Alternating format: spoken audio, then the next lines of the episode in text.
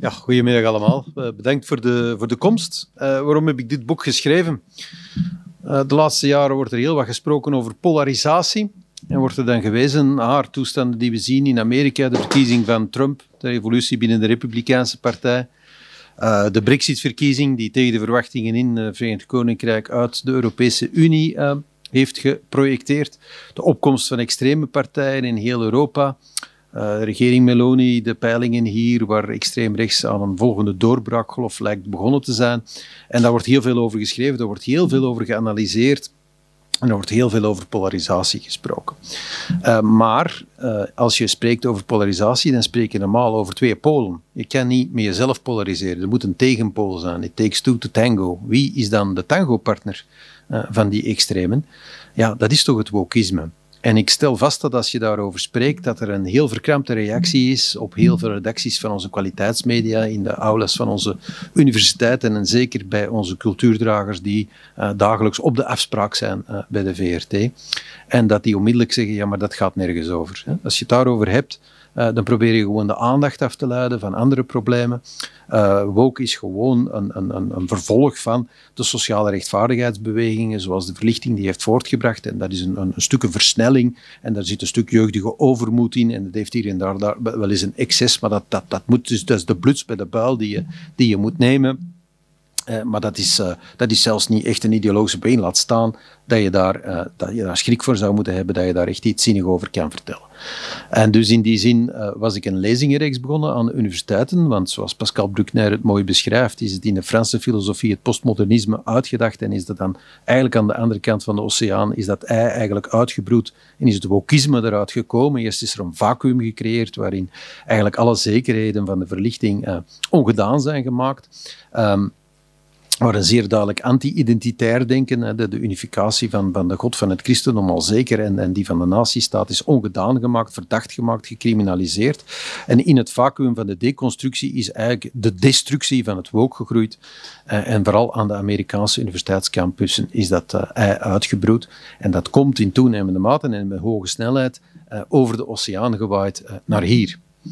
En ik vond dat daar tot heden uh, heel weinig analyse over geschreven is. Uh, je vindt daar heel veel anekdotische uh, artikelen over, van kijk, hè, dat is woke en dit is woke, maar heel weinig analyse over de samenhang van een aantal fenomenen die we zien, de samenhang van een aantal uitingen die we zien en de correcte ideologische duiding daarvan. Dus ik vond dat dat wel ergens over ging. Ik ben daar een lezingenreeks over begonnen aan onze universiteiten, hè, want de vis rot aan de kop, denk ik dan, wat in Amerika is gebeurd. Hè, naar analogie daarvan dus het is logisch om aan de universiteiten en aan onze campussen te beginnen met die lezingenreeks. En tot mijn verbazing bleven eigenlijk die kwaliteitsmedia, ik spreek over de Standaard, de Knak en de Morgen voor alle duidelijkheid, bleven eigenlijk schrijven dat het, dat het nergens over ging. Journalisten hebben die lezing bijgewoond. En ik bleef in de artikelen daarna uh, eigenlijk lezen van ja, waar heeft hij dan nu eigenlijk over? Die staat een beetje te neuzelen over genderneutrale toiletten. Uh, hoe belachelijk kan het zijn? En als die over de Vlaamse uh, cultuur spreekt, dan gaat het over FC de kampioenen. Uh, je hoorde doorheen de artikelen vaak de schuiftrompet op de achtergrond om de spot te onderlijnen. En dus ehm, ja, voelde ik mij wel geprikkeld om te zeggen, als dat zo is, dan zal ik het ook uitschrijven in een boek, van een lezing naar een boek.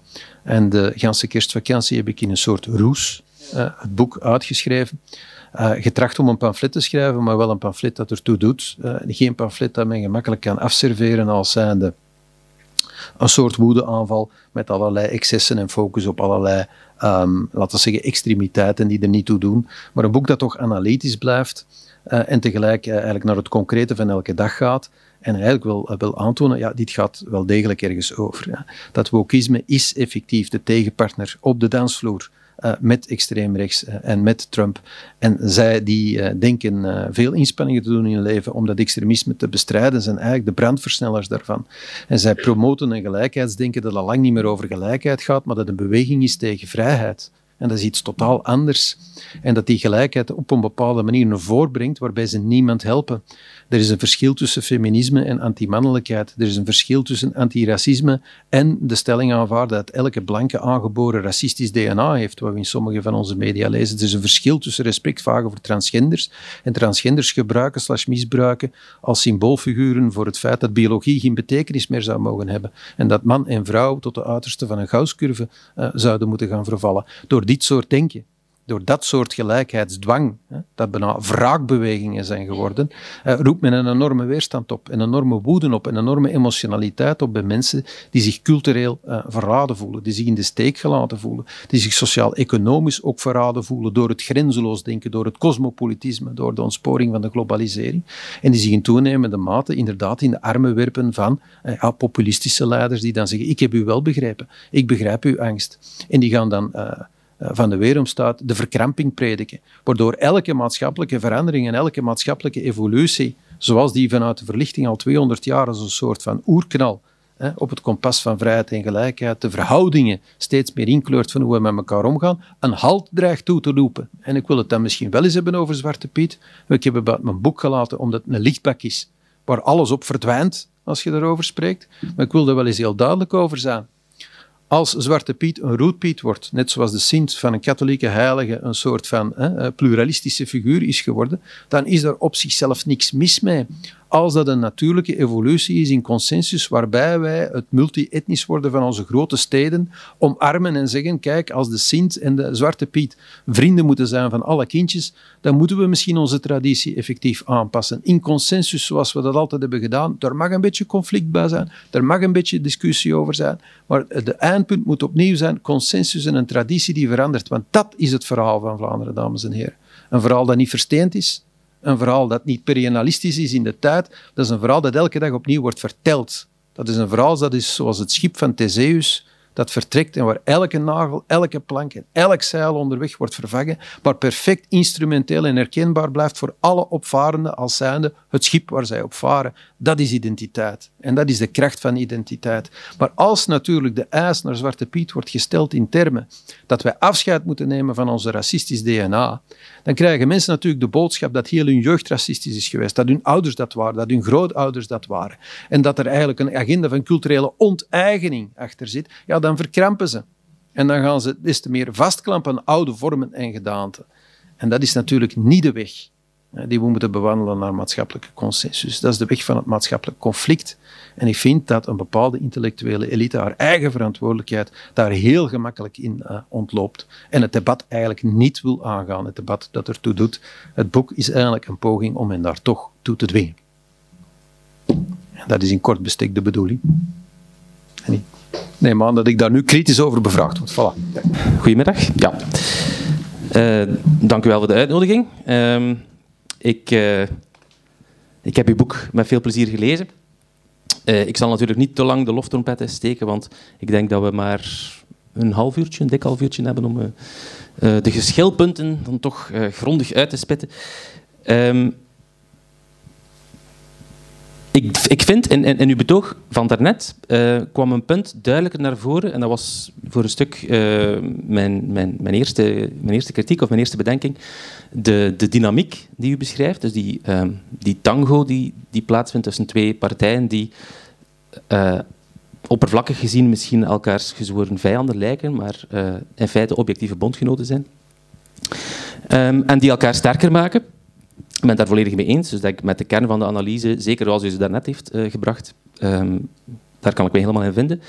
Uh, maar ik heb daar een kleine anekdote over, omdat ik rond 2020, 2021, uh, tijdens de pandemie, heb ik uh, een soort van aha-erlevenis gehad die mij ehm, anders heeft doen kijken naar de woke-beweging en de strijd daartegen vooral.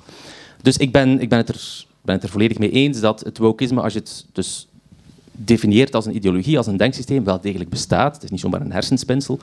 Um, we kunnen daar straks nog over de definitie hebben, daar, daar, eh, daar, kom ik nog toe. Um, en ik, heb, ik vind het een schadelijke denkstroming, uh, precies omwille van de dynamiek die u beschrijft, dus omdat ze ook de andere kant sterker maakt en ze radicaliseren elkaar enzovoort. Uh, maar een aantal auteurs die, die u misschien ook gelezen hebt, dus die ik ben beginnen volgen uh, in hun kritiek op het eh, postmodernisme, op de woke-ideologie en dan voornamelijk uh, hoe zij zich aan de universiteiten en aan de culturele wereld verspreiden. Ik denk dat daar ook een, ja, vooral een dominantie situeert, niet zozeer in de samenleving in het algemeen, Maar goed, komt op mijn punt. Uh, mensen als James Lindsay. James Lindsay is de auteur van um, Cynical Theories, dus eigenlijk een ja, intellectuele geschiedenis die de wortels beschrijft, eerst van het postmodernisme, ongeveer de analyse die u daarnet maakt. Postmodernisme dat dan deconstructie doet, dat alle, uh, ja, alle, alle standbeelden van een sokkel strekt, dat de, de, kernwaarden van de moderniteit, van de verlichting deconstrueert, dat dan een vacuüm keert enzovoort. Uh, in hun boek Cynical Theories dus beschrijven ze dan de opkomst van die woke-ideologie, een meer uh, militante uh, versie van het postmodernisme. maar die mensen als James Lindsay die zijn op een bepaald moment, en daar was ik echt van verbouwereerd, denk rond 2020, 2021, dus de, denk naar aanloop van de, de verkiezingscampagne van, van Trump, uh, zijn mensen als Lindsay, waarvan ik tot dan toe vermoedde dat zij medestrijders waren, dat zij aan dezelfde kant stonden, dezelfde kant van de rationaliteit en de verlichting enzovoort, hebben zij gezegd, kijk, het gevaar van woke is zo urgent, ik bedoel, dit is zo'n grote bedreiging voor onze samenleving, dat wij onze neus moeten dichtknijpen en op Trump stemmen. En dat heeft hij ook heeft dat expliciet toe opgeroepen op Twitter. En ten eerste, dat had ik helemaal niet zien aankomen. Dus ik dacht, die man die staat aan dezelfde kant. Um, ik heb in mijn eigen uh, boek in het algemeen vaak geschreven over de gevaren van alarmisme. Dus het is uiteraard belangrijk dat je voor gevaren waarschuwt. Maar als mensen daarin doorschieten, als, dus als je um, denkt dat, uh, ja, dat, uh, dat we aan de, de, rand van de afgrond balanceren en dat we nu drastische maatregelen moeten nemen of dat anders de westerse beschaving zal instorten, dan kan je ook domme dingen gaan doen. Voor Trump stemmen, dat is volgens mij iets heel dom. Um, zeker in de mate dat je, ik bedoel, je kan zeggen, zowel voor de Democratische als voor de Republikeinse Partij, ze hebben allebei een, een zweepbewegingen, uh, dus aan de woke, uh, aan, aan, de linkerzijde natuurlijk, en dan de, de alt-right-beweging ter rechterzijde. Maar op dit moment, los van de universiteit, voor de samenleving, vind ik het overduidelijk, en ik dacht dat iedereen het daarover eens was, dat het uh, rechtsextremisme op dit moment veel gevaarlijker is. Dus mijn vraag aan u, uh, kan u begrijpen dat iemand als James Lindsay dan in de verleiding komt om op Trump te stemmen? Hoe, het is een soort van ja, uh, keuze tussen de pest en de cholera, dat geeft hij wel toe. Maar omdat het gevaar voor woke volgens hem zo groot is, dat we dan toch moeten kiezen voor iemand die een dam opwerpt tegen het uh, wokeisme. Terwijl het voor mij net andersom is. Trump zal helemaal geen dam opwerpen tegen het wokeisme. Ze zullen die wokies alleen nog maar gekker maken, net zoals het wokeisme zelf de tegenbeweging voedt van, van alt-right en, en extremisme. Dus bijvoorbeeld, hier in Vlaanderen zijn er natuurlijk meerdere partijen, maar stel dat u in, in de VS zou leven en u hebt de keuze tussen uh, Joe Biden aan de ene kant of Donald Trump aan de andere kant, of zelfs iemand als Ron DeSantis, uh, met in gedachte dus uw kritiek op het, op het wokeisme. Dus wat, wat is voor u het juiste perspectief op de respectieve gevaren van die beide kanten? Altijd het nadeel van academici, die stellen geen vragen, maar die geven een betoog waar je dus... Uh, dan moet recht bondig op te antwoorden. Er zat natuurlijk veel in. Um, het boek gaat over woke, maar is eigenlijk evenzeer een waarschuwing tegen extreem rechts. En tegen de verleiding van extreem rechts en het toegeven aan woede. Want in essentie zijn extreemrechtse mensen eh, mensen die op een gegeven moment boos geworden zijn. Omdat ze zich cultureel en sociaal-economisch verraden voelen door de elite. En die worden boos en die smijten zich in de armen van het extremisme. En het extremisme is altijd zeer bedreven geweest en heeft daar in de huidige technologie met de social media ook uitstekende middelen toe om die woede te exploiteren, om die gaande te houden, om die te voeden. Het idee dat uh, een keuze voor Trump uh, woke kan bestrijden, is ongeveer het idee dat je met oliebrand zou kunnen blussen.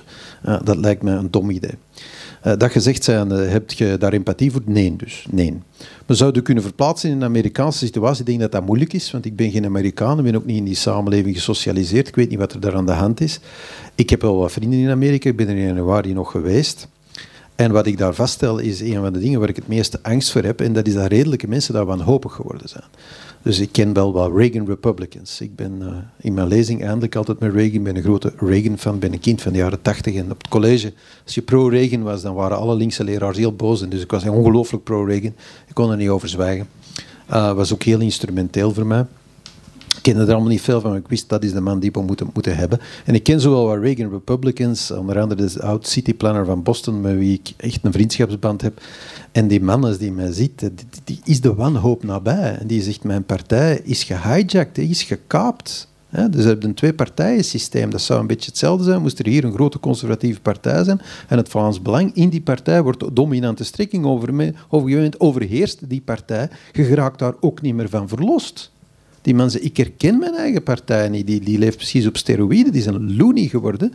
En er is geen enkel teken dat we dat nog onder controle gaan krijgen. En hij zegt, normaal zou ik nu naar de democraten moeten overstappen. Maar van de weeromstuit trekken die wokers de democraten zo ver naar links dat ik mij er ook niet meer in herken. Ik weet niet wat er met mijn land aan het gebeuren is. En ik zie ook nergens de stemmen van de redelijkheid naar voren komen. Dus moesten mij zeggen, we gaan nu voor Trump of Biden? Dat is voor mij een beetje de pest in de cholera. Biden valt nog mee, maar laten we zeggen, alles wat er binnen de democraten nu gebeurt en, en dominant is, uh, dat spreekt mij ook totaal niet aan. Moest ik een democratische spindokter zijn op dit moment, quote non, dan zou ik een centrumrechtse kandidaat zoeken. Liefst iemand van middelbare leeftijd of misschien iets jonger, hè, eh, als het enigszins kan. Um, en een ticket maken waarbij je het hele politieke centrum van Amerika aan bod doet. En volgens mij is dat dan voor twintig jaar aan de macht. Maar het vergif van die polarisatie is daar zo ver doorgedrongen dat dat blijkbaar niet meer lukt. En net dat is wat ik met dat boek zeg. Ja, in dat schuitje moeten we niet terechtkomen in Europa. En ik zie er alle voortekenen van dat dat wel aan het gebeuren is. Hè. En niet alleen in ons land, maar natuurlijk in heel uh, West-Europa. Er zijn altijd een aantal regeringen omgegaan. Er zijn een aantal traditionele politieke systemen ingestort. In Frankrijk maskeert Macron eigenlijk dat dat systeem ingestort is. Italië is ingestort. Je ziet, hè, er gebeuren rare dingen om ons heen. Kijk naar de peilingen. Um, de tendensen die zitten, die, zitten absoluut, uh, die zitten absoluut niet goed. En dus de vraag om uh, een antwoord vanuit de redelijkheid, vanuit het midden te geven, dat is de essentie van het boek. Hè. Ik ben een conservatief, ik ben niet tegen verandering. Ik wil op de trein van de verandering zitten, maar dat moet een boemeltrein zijn die in elk station stopt. En ik wil onderweg van het uitzicht genieten. Uh, progressieven willen vanzelf op een TGV zitten en die zeggen altijd, we zijn er nog niet, maar die zeggen nooit waar dat er is. Hè.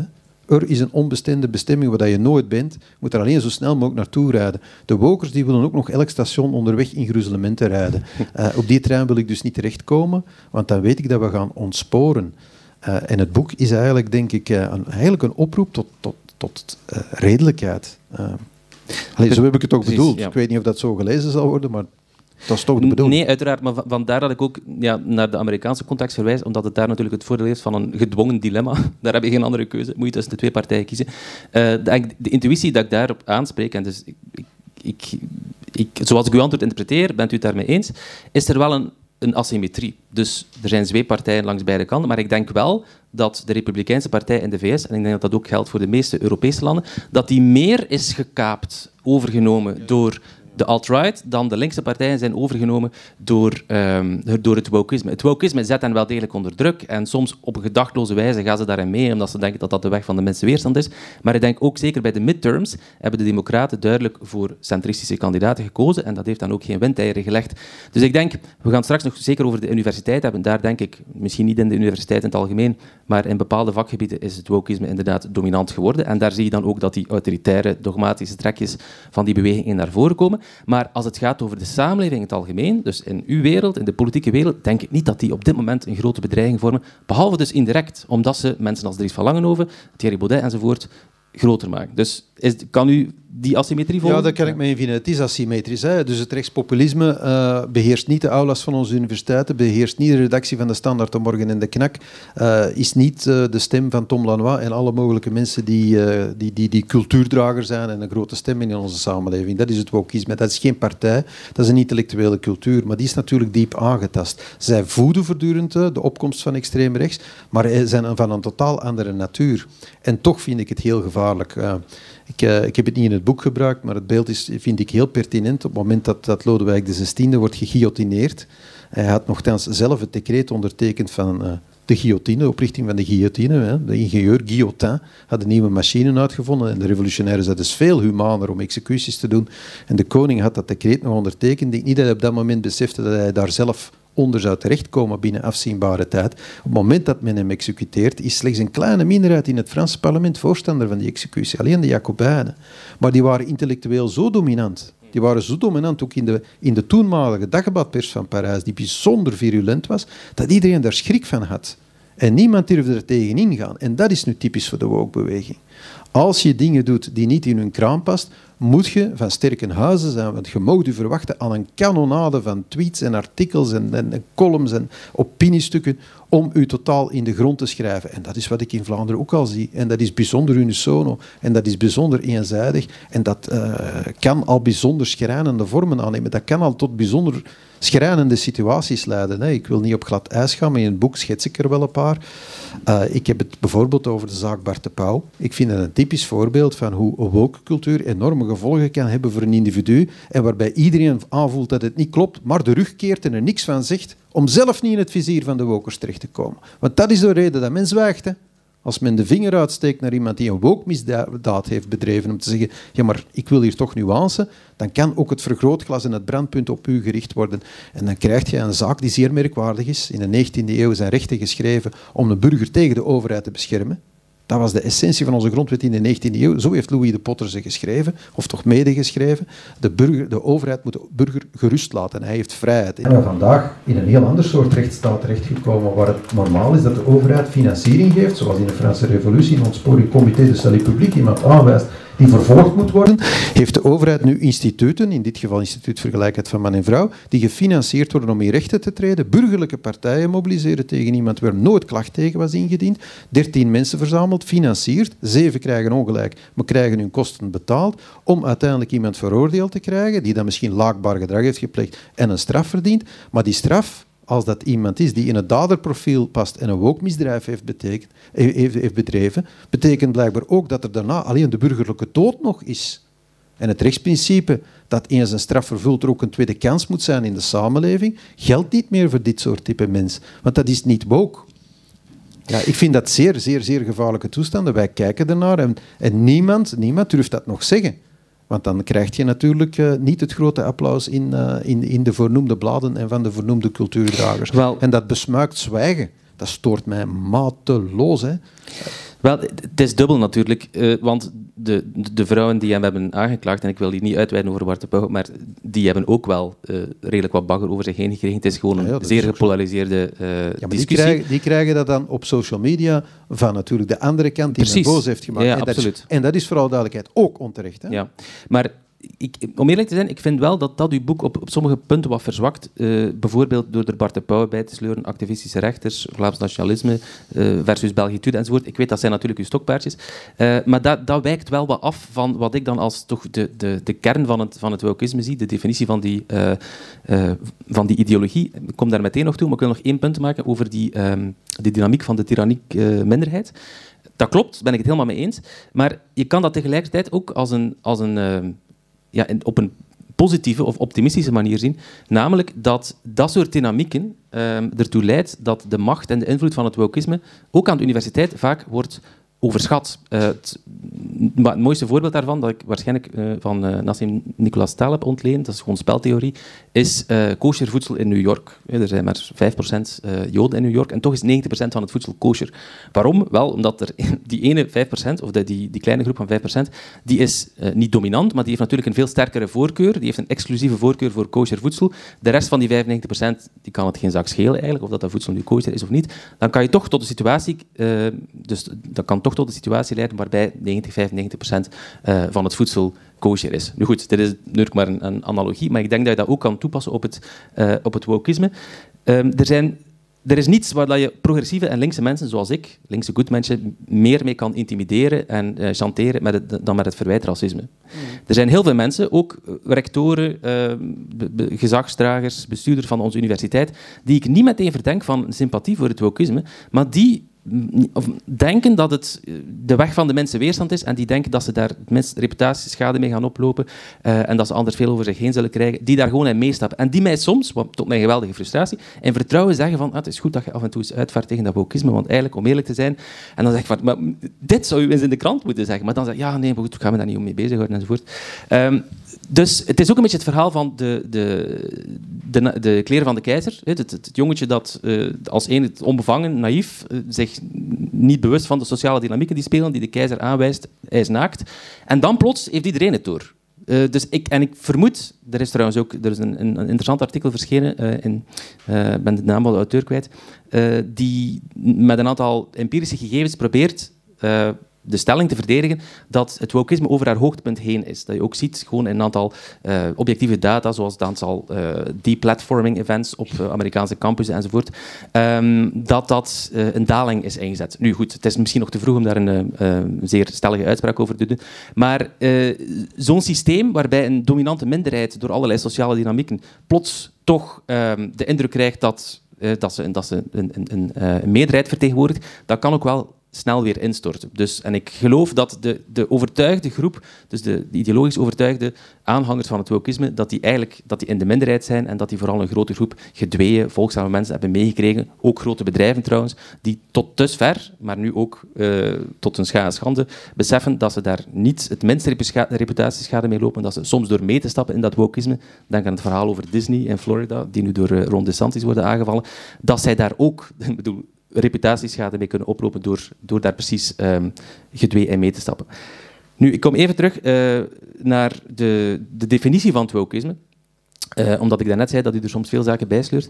Um, volgens mij, en, dus, en dat, dat, dat, dat wordt niet uitvoerig in uw boek toegelicht, maar um, het wokeisme, ik heb daar een tijd geleden een stuk over geschreven voor NRC, is volgens mij het beste definiëren als een toepassing van uh, marxistische denkschema's op de uh, niet-economische sferen. Dus je hebt in het marxisme de klassieke tweedeling tussen proletariërs aan de ene kant, kapitalisten aan de andere kant, en daartussen is een groot niemandsland. Die uh, twee groepen die zijn in een eeuwig en onoplosbaar conflict verzeild. Dat is een nulsomspel, daar valt niks tegen te beginnen. En um, er is geen sprake van individuele verantwoordelijkheid. Het is vooral een machtsdynamiek. Het zijn structurele factoren die ervoor zorgen dat de ene groep de andere onderdrukt. Ik denk dat je het wokisme vooral moet zien als dus een toepassing van die denkschema's dan op het vlak van gender, op het vlak van ras, op het vlak van cultuur. Waar je dan inderdaad een marxistisch verhaal krijgt, waarbij je hiërarchie van slachtofferschap krijgt, maar dan niet in de economische zin, um, waarbij degene die het meeste slachtofferspunten scoort, uh, per definitie bijna geprivilegeerd is. En uh, ja, ook op epistemisch vlak, dus die uh, een betere of uh, onfeilbare toegang heeft tot de kennis en die dus altijd zijn eigen lived experience enzovoort. Ik denk dat dat de definitie van het, uh, van het wokisme is. En ik, ik weet dat de term cultuurmarxisme soms uh, als een rode lap op een stier werkt, omdat dat ook een term is die door de nazi's werd gebruikt enzovoort. Dus ik vermijd die hier heel doelbewust. Maar ik denk wel dat dat de intellectuele oorsprong is. Dus je hebt dat postmodernisme dat dan inderdaad een vacuüm creëert. En dan het marxisme dat de samenleving opdeelt telkens in twee groepen, dus op elk van die uh, intersecties, zoals dat dan heet. Dus op het vlak van ras is het dan zwart tegen wit. Op het vlak van gender is het uh, de heteronormativiteit tegen homoseksualiteit en uh, holibi en, en, en, alles wat daar nog bij komt enzovoort. Ik denk dat we het daartoe moeten beperken. En uh, activistische rechters en open grenzen en een Bart de Pauw enzovoort. Ik, zeg, ik kan daar voor een stuk zelfs mee eens zijn, maar ik denk dat het dan wat verwatert, dat er dan te veel zaken worden bijgesleurd en dat je daar dan wat de, de, de ogen op de bal verliest. De bal is volgens mij uh, precies die heel uh, kwalijke tweedeling, dat nulsomspel, waarbij dat je de maatschappij in twee groepen verdeelt en tegen elkaar opzet, die dan natuurlijk op een heel voorspelbare manier een tegenreactie uh, opwekt. Dus als je mensen constant zegt dat witheid een probleem is, dat mannelijkheid een probleem is, ja, dan moet je ook niet verwonderd zijn dat die mensen die je viseert, die je gaat demoniseren, die op een bepaald moment zichzelf gaan organiseren en precies die, die, uh, die identiteit van witheid en van mannelijkheid trots gaan uitdragen en daar zelfs een, ja, een hele identiteit gaan rondbouwen. Ik denk dat dat de kern is van wokisme. En dus, ja, mijn vraag is, bent u het daarmee eens? Dat, uh, dat, er, ah, dat we er ook niet te veel zaken... Ja. Ah, dat is de vraag. Uh, ja, misschien twee punten. Ik ben het niet helemaal eens dat ik er te veel bij sluit. Ik snap wel de kritiek. Um, maar bijvoorbeeld de evolutie van de rechtsstaat is in mijn ogen wel degelijk een wezenlijk onderdeel uh, van, van de analyse. Uh, de evolutie van hoe grondrechten in de 19e eeuw werden gelezen en toegepast, hoe dat die uh, evolueren, natuurlijk ook onder invloed van de groei van de democratisering en, en, en de welvaartsstaat naar van rechtsstaat, hè, van overheid laat mij gerust, hè, doe, doe vooral niks met mij of, of tegen mij, naar overheid doe iets voor mij, de aansprakenstaat, hè, zorg voor mij. Uh, waar het postmodernisme, wokisme dan de laag aan toelicht, ah ja, gelijkheid moet verkregen worden, niet meer bevochten worden, maar die moet gegeven worden als een soort compensatie voor geleden onrecht van al die slachtoffers. Dat vertaalt zich natuurlijk ook in wetgeving, in heel slechte wetgeving, die vooral vanaf de jaren 1980 wordt gestemd, waar die rechtsstaat eigenlijk ook een gelijkheidsmachine wordt in functie van die slachtoffergroepen. En je dus inderdaad heel bizarre vonnissen krijgt, die ingaan tegen de vrijheid van meningsuiting, die ook ingaan tegen het gelijkheidsbeginsel, en waar mensen ook boos van worden, omdat mensen ook wel zien dat sommige opinies dan plotseling veroordeeld worden, omdat er een negatief toekomstbeeld uh, van uitgaat. Bijvoorbeeld een spandoek stop islamisering in Mechelen. Terwijl uh, klimaatbetogingen met uh, slogans rondlopen, waar ook niet bepaald een vrolijk toekomstbeeld van uitgaat, maar die krijgen dan groot applaus op alle opiniepagina's van onze kranten. Mogen zelfs geweld prediken voor hun zaken en krijgen ook daarvoor applaus. Moest ik voor geweld prediken in functie van het confederalisme en zeggen we gaan barricades zetten op de tagen en we kunnen daar misschien bewapende wachters op zetten die ze in de lucht kunnen schieten, dan ga ik naar het gekkenhuis. Hè? Dan zit ik, word ik waarschijnlijk de volgende dag gecolloqueerd en het zou ook wel moeten. Maar als ik een boek schrijf, How to Blow Up a Pipeline, dan word ik geïnterviewd in de morgen en krijg ik geen kritische vragen. Ik heb een uh, bedrijf hier in uh, Antwerpen, ik zat net, naast de CEO. Uh, het was een rapportage van de Nationale Bank deze middag op het stadhuis. Dat bedrijf heet BASF. Als u daar een pipeline opblaast en u blaast de verkeerde op, ja, dan gaan wij het hier niet meer navertellen. En op linkeroever hebben ze nog net hun wenkbrauwen, met veel geluk. Ik vind dat niet normaal, hè? dat zo'n dingen gewoon worden gepubliceerd.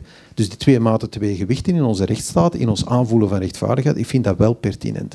Het verschil tussen twee nationalismen, het Vlaams nationalisme, sterk Respublica denken, uh, ja, dat wordt totaal verketterd. Hè. Vlaams is Vlaams met SCH.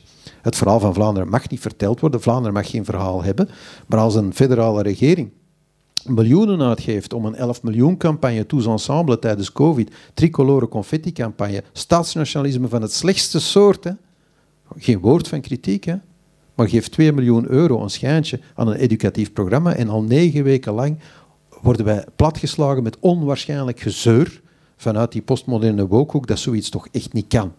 Want een gemeenschap vormen op basis van gedeelde identiteit, dat kan toch niet. Alleen in België mag dat wel. Waarom? Omdat het in België nooit lukt. België is het postmoderne tempel bij uitstek, een land waar geen identiteit van uitgaat. Uh, daar mag het dan wel. Dus ik vind die ontwerpen niet zijdelings. Ik vind dat die tot de kern horen. Tweede element is, um, ja, uh, dat slachtofferdenken.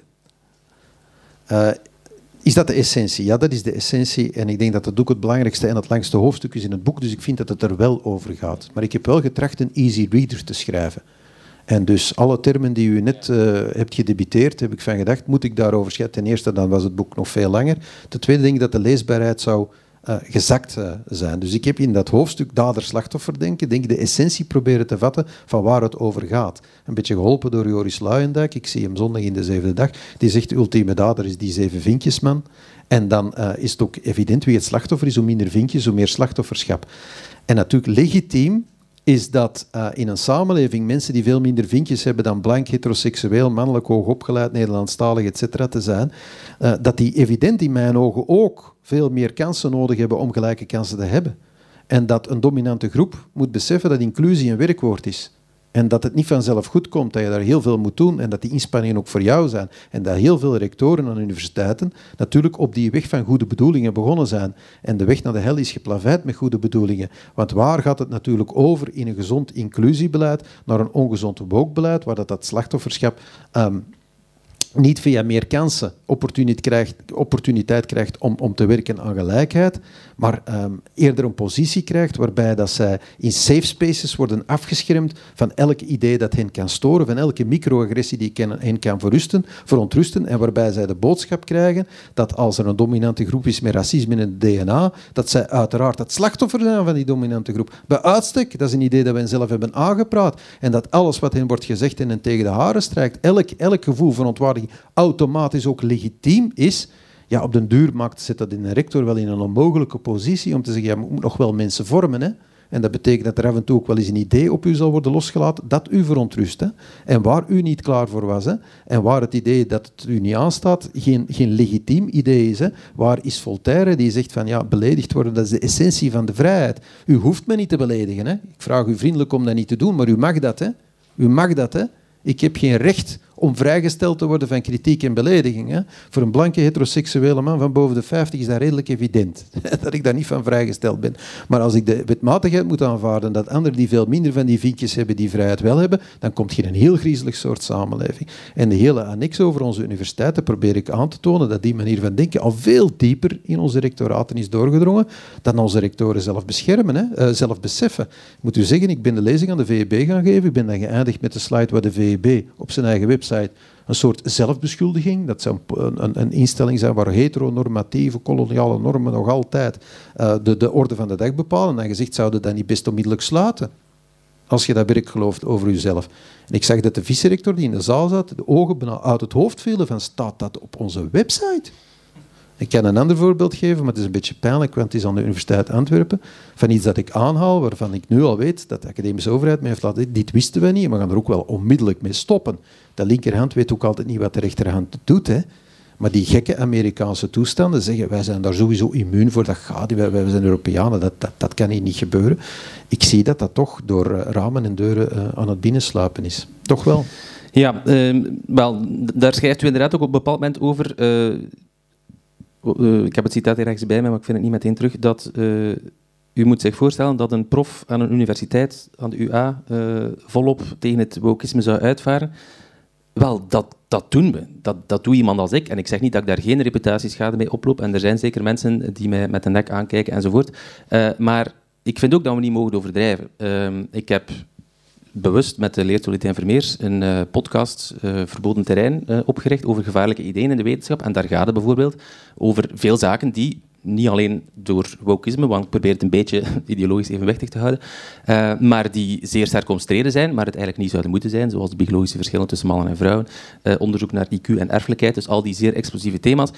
Um, ik zeg niet dat daar uh, geen hand, handige wrijf aan te pas komt in de hogere echelons van de universiteit, maar ze laten mij toch doen. En als ik een stuk schrijf over cultuurmarxisme en tegen postmodernisme enzovoort, natuurlijk krijg ik daar negatieve kritiek op, maar ik kan het nog altijd aan de universiteit. Ik heb zelf in mijn opleiding filosofie een lakmoesproef die ik elk jaar doe. Een debat dat we bespreken tussen Slavoj Žižek en Jordan Peterson. Uh, dus Peterson is u ongetwijfeld bekend. Uh, niet meteen mijn favoriete filosoof of zo. Maar ik doe het heel bewust, omdat aan een Amerikaanse campus zou dit niet meer mogen. Er zouden trigger warnings zijn, mensen zouden microagressies hebben, ze zouden naar de rector stappen enzovoort. Er zou klacht worden ingediend. Op dit moment kan het nog altijd. En um, ehm, 90% van mijn studenten is dan natuurlijk wel tegen Peterson. En, en dan, dan, gaan ze op een wat, uh, misschien wat gemakzuchtige manier hem wegzetten als een alt-right figuur enzovoort. Maar het, maar het feit dat het nog altijd kan besproken worden, er zijn er toch altijd 5 of 10% die dan wel de, de, de verdediging van Peterson opnemen. Maar goed, terug even naar het onderscheid tussen wokisme en um, de zaken die dan volgens mij erbij gesleurd zijn. Kijk, ik weet niet of het daarmee eens ben, maar ik zie het postmodernisme en het wokisme voor een stuk ook als een kind van de verlichting. Het is misschien een balorig kind, maar het is wel een kind dat op een logische manier voortvloeit uit die verlichting. Om het heel cru te stellen, ik zou daar ook weer een heel betoog over kunnen geven, maar een van de centrale aspecten van de verlichting is het vermogen tot zelfkritiek, tot voortdurend verbetering, ook tot steeds betere vormen van, uh, van kennis, maar ook uzelf durven in vraag stellen Um, en ook het perspectief durven in te nemen van anderen, ook leren van andere culturen enzovoort. Op zich is dat een heel nobel beginsel. En het feit dat je je bekommert om uh, slachtoffergroepen, dat is de hele emancipatiebeweging, daar, daar, heb je ook naar verwezen, dat is onderdeel van de verlichting. De vraag is dan alleen, dus op, wel, op welk moment houden die legitieme emancipatiebewegingen op en vervalt het in wokisme? Kijk, het feit dat de islam, dus moslims die hier in deze samenleving een minderheid zijn, en omwille van een huidskleur vaak het slachtoffer zijn van racisme. Het feit dat we daar bijvoorbeeld een overheidsinstelling voor hebben opgericht die zich daarmee bezighoudt, op zich ben ik daar allemaal niet tegen. Dus ik, ik ben tegen een aantal van de uitwassen die u beschrijft, maar dan moeten we precies definiëren wanneer het een uitwas is. Ik denk dat het pas een uitwas wordt, niet op het moment dat, zich, dat, men zich misschien in het bijzonder om een aantal slachtoffergroepen zal gaan ontfermen, omdat men denkt dat die meer bescherming verdienen, omdat ze gewoon eh, in minderheid zijn in onze samenleving. Het wordt een probleem op het moment dat je vervalt in die tweedeling, in dat nulsomdenken, en dat je dan heel specifiek, bijvoorbeeld voor de islam, gaat redeneren, niet expliciet, maar impliciet, van ah, de, moslims, dat zijn uh, mensen met een bruine huidskleur, dat zijn slachtoffergroepen, dus die kunnen niks verkeerd doen. Net zoals de proletariërs destijds ook niets verkeerd konden doen en die konden elkaar niet onderdrukken, want die hadden een klassebewustzijn en dat klassebewustzijn was gericht tegen de kapitalisten. Dat is volgens mij waar de kat op de koord komt en dat is waar, waar je echt de, de invloed van, de, van het wokisme kan onderscheiden. Op het moment dat mensen bijvoorbeeld niet meer durven spreken over homohaat of uh, eremoorden of um, eergerelateerd geweld in het algemeen in islamitische gemeenschappen, omdat ze er reflexief van uitgaan dat een slachtoffergroep nooit een dader kan zijn. Nu, ik zal nog een misschien iets concreter voorbeeld geven van iets uh, wat er dan volgens mij bijgesleurd is, omdat dat mij als progressief wat meer aanbelangt. Uh, ik, ik ben als, ik, daarnet had ik ook de, reflex om uh, het, linkse denken of het progressieve denken wat in de verdediging te nemen. Ik ben zelf geen belenstormer, ik ben een incrementele vooruitgangsdenker. Uh, ik vind niet dat, dat we heel onze beschaving omver moeten werpen, maar ik ben wel iemand die gelooft in maakbaarheid, maar geleidelijke maakbaarheid. Ik ben ook iemand, als u dan toch vraagt van wat is de eindhalte van de trein, de eindhalte van de trein is voor mij open grenzen. Dat zal u misschien verbazen, maar uiteindelijk denk ik dat we naar een wereld moeten terechtkomen waarin, net zoals de grenzen geopend zijn tussen bijvoorbeeld de meeste Europese landen en ook Europa en de VS enzovoort, ik denk als we samen uh, op een niveau van economische welvaart kunnen komen dat er geen grote behoefte meer bestaat aan enorme migratiestromen, dat er een soort van nivellering is, inderdaad, cosmopolitisme. Ik weet niet of dat, misschien zal dit allemaal als, uh, als, een, als een verschrikking in de, in de oren maar dat is wel waar ik voor sta. Dat wil daarom niet zeggen natuurlijk dat we nu onze grenzen moeten opengooien. Maar uh, u schrijft ook dat het denken van Fukuyama, heel specifiek, dus het einde van de geschiedenis dat werd afgekondigd, de, wanneer was zijn artikel weer en dan zijn boek, dus uh, ongeveer vlak voor de val van de, van de Berlijnse muur. Dan was het, bij, precies, dat was het, dan had hij, werden meteen ook profetische gaven toegedicht. Dus u zegt op een bepaald moment in uw boek uh, dat dat eigenlijk ook een uiting is van het, uh, van het wokisme, van het, van het postmodernisme. Ik had hier ook een citaat bij. U zegt dat dus Fukuyama's stelling over het einde van de geschiedenis klinkt als muziek in de oren van de postmodernisme. Dat lijkt mij echt onzin. Uh, waarom, zoals u zelf weet, en u verwijst er ook op een bepaald moment naar, het postmodernisme, als het postmodernisme iets is, dan is het de strijd, de deconstructie van alle grote verhalen. Dus uh, met inbegrip van de grote verhalen van wetenschap en de moderniteit, ook het communisme, het socialisme, liberale democratie enzovoort. Voor de echte postmodernisten, en ook voor de wokisten, is het betoog van Francis Fukuyama de, de meest vreselijke exponent van triomfalistisch vooruitgangsdenken, zelfs het, de meest extreme variant van een groot verhaal, omdat het een vorm van Hegeliaans denken is. Een vorm van een teleologische opvatting van de geschiedenis die volgens de dialectiek verloopt enzovoort, en die dan uitmondt in de triomf van de, uh, van de liberale de, uh, democratie en van het kapitalisme. Trouwens, als als je echt Fukuyama leest, is dat, kan je daar ook wel wat nuances aanbrengen. Dat verhaal is veel minder triomfalistisch dan, dan wat er uh, soms van gemaakt wordt. Maar dat is wel hoe Fukuyama wordt gezien. Dus ik denk dat dat bijvoorbeeld, heel specifiek, het, het ook het cosmopolitisme in het algemeen, het helemaal niks met het, uh, met het wokeisme te maken heeft. Het, het, het idee is dat, er één samenlevingszone is waar we dat de hele wereld naar evolueert. Dat zal iemand die typisch woke is, net als een onuitstaanbare vorm van westers superioriteitsdenken gaan zien. Het, het, de, de arrogantie om te denken dat de hele wereld de liberale democratie zal omarmen. Ik ben wel meer geneigd om dat te geloven. Ik denk wel dat, dat we inderdaad, net zoals we naar een wereld met open grenzen gaan, dat we ook naar een wereld gaan waarin hopelijk de democratische uh, samenlevingsvorm inderdaad de dominant wordt. Maar ik denk niet dat dat iets met het, uh, met het wokeisme te maken heeft. Dus dat is misschien het uh, meest het, het, het, het, meest uh, sprekende voorbeeld van wat ik daarnet verwees, dat, dat u er soms zaken bijstuurt. Bart de Pauw, dat is een trivialiteit natuurlijk. Maar ik denk, er is een groot verschil tussen vooruitgangsdenken, uh, het cosmopolitisme en heel specifiek uh, het verhaal van Fukuyama over het einde van de geschiedenis aan de ene kant en het wokeisme en het postmodernisme aan de andere kant. Misschien dat u dat verschil vanuit rechts niet zo goed ziet tussen die, tussen die links-progressieve stromingen, maar in ieder geval ik vind dat daar wel een heel grote kloof gaat. En, en eh, de meeste boekisten, denk ik, die zouden gruwen van, van Fukuyama zijn verhaal. Oké. Okay. Um, ehm, hm.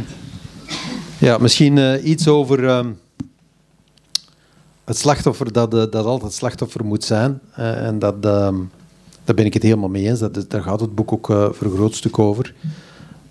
Iets wat, wat weinig Allee, wat nog niet gezegd is, en, en, wat ik wel heel pertinent vind, is dat die manier van denken natuurlijk de deur opent voor een van de ergste vormen van racisme die er is.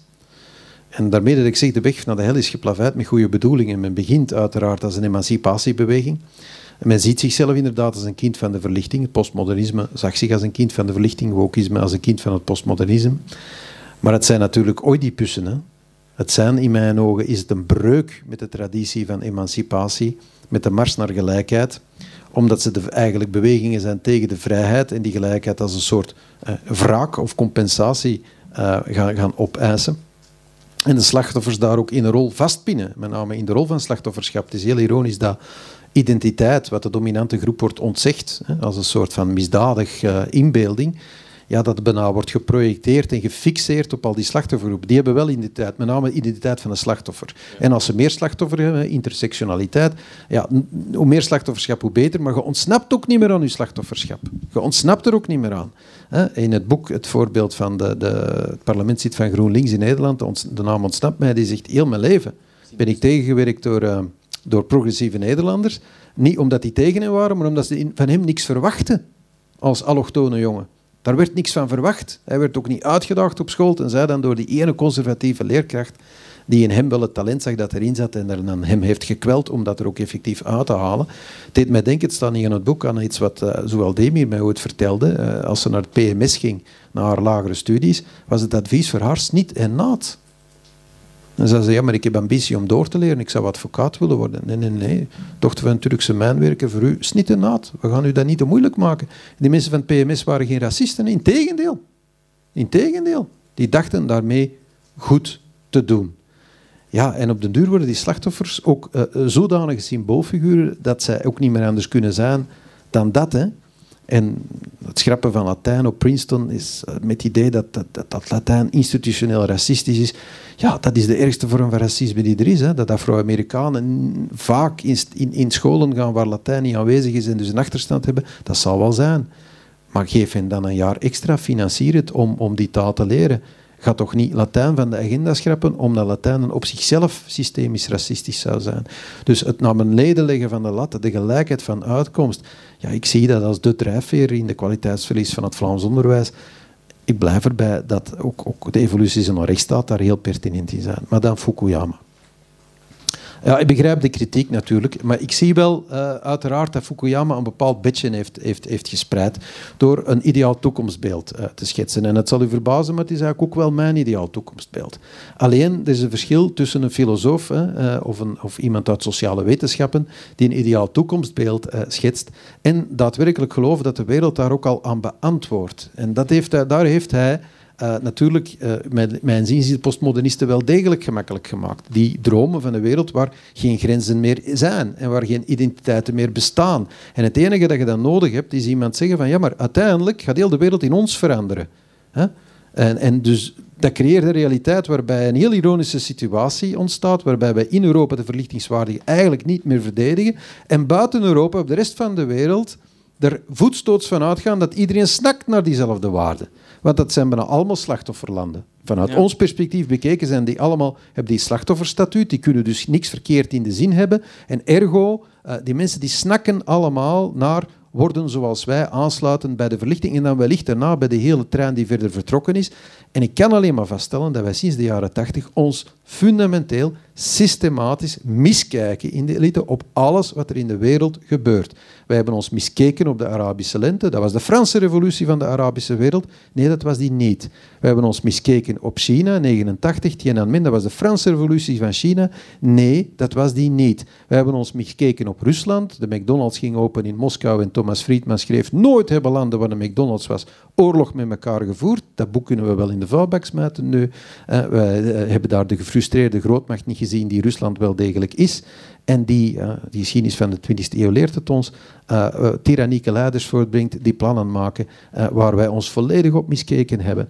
En dus in die zin zie ik wel dat Fukuyama, zonder dat hij die bedoeling had, wel het bedje heeft gespreid voor een bijzondere geopolitieke naïviteit die die postmodernisten goed is uitgekomen, omdat natuurlijk de wereld zonder grenzen is, een wereld zonder identiteiten, waar mensen zich vrij over kunnen bewegen, hè, waar massamigratie eigenlijk een, een moreel goed wordt, niemand nog illegaal kan zijn, om afbreuk te doen uiteindelijk aan de westerse beschaving, wat toch de essentie is in mijn ogen van het wookdenken, dat de westerse beschaving gewoon intrinsiek slecht is en moet vallen. En daar heeft hij een geweldig in geholpen.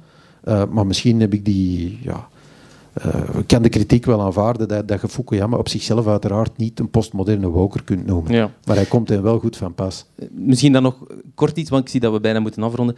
Um, ik ben het helemaal eens met de analyse dat we Let op, ik, ik hoed me altijd voor die, wat ik de wijbak noem, dat we over wij spreken, maar eigenlijk altijd zij bedoelen. Wij hebben de fout gemaakt, maar dan bedoelen we natuurlijk nooit ikzelf, dan is het altijd de anderen. Mm. De vraag is, wie zijn die anderen?